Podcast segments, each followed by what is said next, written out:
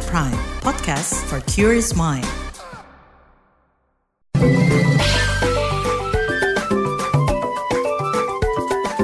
WhatsApp Indonesia. WhatsApp Indonesia dimulai dengan kabar seputar pemilu.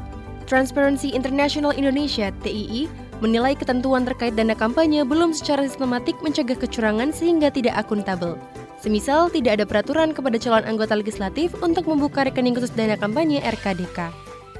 Peneliti TII Alvin Nikola mengatakan, hal itu berakibat pada pelaporan dana kampanye yang dapat diakali lantaran sekadar formalitas, Peneliti TII Alvin Nikola menambahkan saldo RKDK yang dilaporkan lebih rendah ketimbang biaya sebenarnya yang dikeluarkan untuk kebutuhan kampanye pemilu. Semisal memasang alat peraga kampanye hingga penyelenggaraan pertemuan yang mendatangkan banyak orang. Guna mengatasi itu, Alvin mendorong Badan Pengawas Pemilu Bawaslu melakukan terobosan sehingga kerja-kerjanya tidak sebatas administratif. Terlebih, Pusat Pelaporan dan Analisis Transaksi dan Keuangan PPATK telah mengungkap ada temuan transaksi janggal terkait kampanye pemilu 2024 yang mencapai triliunan rupiah. Dia mendesak Bawaslu bersama Komisi Pemilihan Umum KPU untuk menindaklanjuti temuan itu dengan segera menunjuk kantor angkutan publik untuk memantau kewajaran pergerakan dana kampanye dan mengantisipasi potensi politik uang. Selanjutnya menuju Banjarnegara, Jawa Tengah. Pengungsi korban longsor di Desa Sipedang, Kecamatan Banjarmangu, Kabupaten Banjarnegara, Jawa Tengah, jumlahnya fluktuatif, Meski berkurang, namun jika hujan kembali deras, warga akan kembali ke pengungsian. Staf Kedaruratan dan Logistik Badan Penanggulangan Bencana Daerah BPBD Banjarnegara, Langgang Widodo mendata, jumlah pengungsi pada awalnya mencapai 25 kepala keluarga. Akan tetapi, Perabu 10 Januari 2024 ada pengurangan hingga tinggal 18 kakak saja karena sebagian pengungsi memilih pulang ke rumah.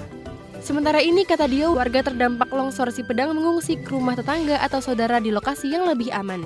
Per tiga hari, BPBD mendistribusikan bantuan bahan makanan mentah dan rencananya akan ditingkatkan sepekan sekali. Langgang Widodo mengungkapkan di Desa Sipedang terdapat 8 rumah yang rusak total akibat longsor. Sementara rumah lainnya rusak sedang atau terancam oleh pergerakan tanah yang makin meluas imbas curah hujan yang tinggi. Tipe pergerakan tanah di Sipedang adalah longsor rayapan. Pergerakannya pelan namun semakin lama kian parah hingga merusak bangunan. Longsor di Sipedang berlangsung sejak 31 Desember 2023 dan terus meluas. Masih dari Jawa Tengah kita mampir Solo. Solo sudah menerima ribuan vial vaksin polio. Juru bicara Dinas Kesehatan Pemkot Solo Setiawati mengatakan, stok vaksin dikalkulasi memenuhi vaksinasi massal anak-anak di Solo mulai pekan depan. Menurut Setiawati, satu vial atau botol bisa untuk 40-an dosis anak. Lebih lanjut, Setiawati menjelaskan vaksin polio sudah ditetapkan aman bagi anak-anak. Bentuknya bukan suntikan tapi tetes, imbuh Setiawati. Vaksin polio itu diberikan secara gratis. Pemkot juga menyediakan petugas khusus dan fasilitas kesehatan gratis jika terjadi KIPI atau dampak vaksinasi pada tubuh anak-anak. Dinas Kesehatan Pemkot Solo menunjukkan data jumlah sasaran penerima vaksin polio sebanyak 49 ribu anak. Imunisasi polio dilakukan di puskesmas, posyandu maupun sekolah-sekolah. Vaksinasi massal itu dilakukan semua baik anak yang sudah divaksinasi lengkap maupun yang belum vaksin polio. Juru bicara Dinas Kesehatan Pemkot Solo Setiawati mengatakan, imunisasi vaksin polio bagian dari mencegah penularan polio menyusul ditemukannya satu kasus positif polio di Klaten dua pekan lalu. Menurut Setiawati, imunisasi dilakukan serentak mulai pekan depan 15 Januari. Demikian WhatsApp Indonesia hari ini.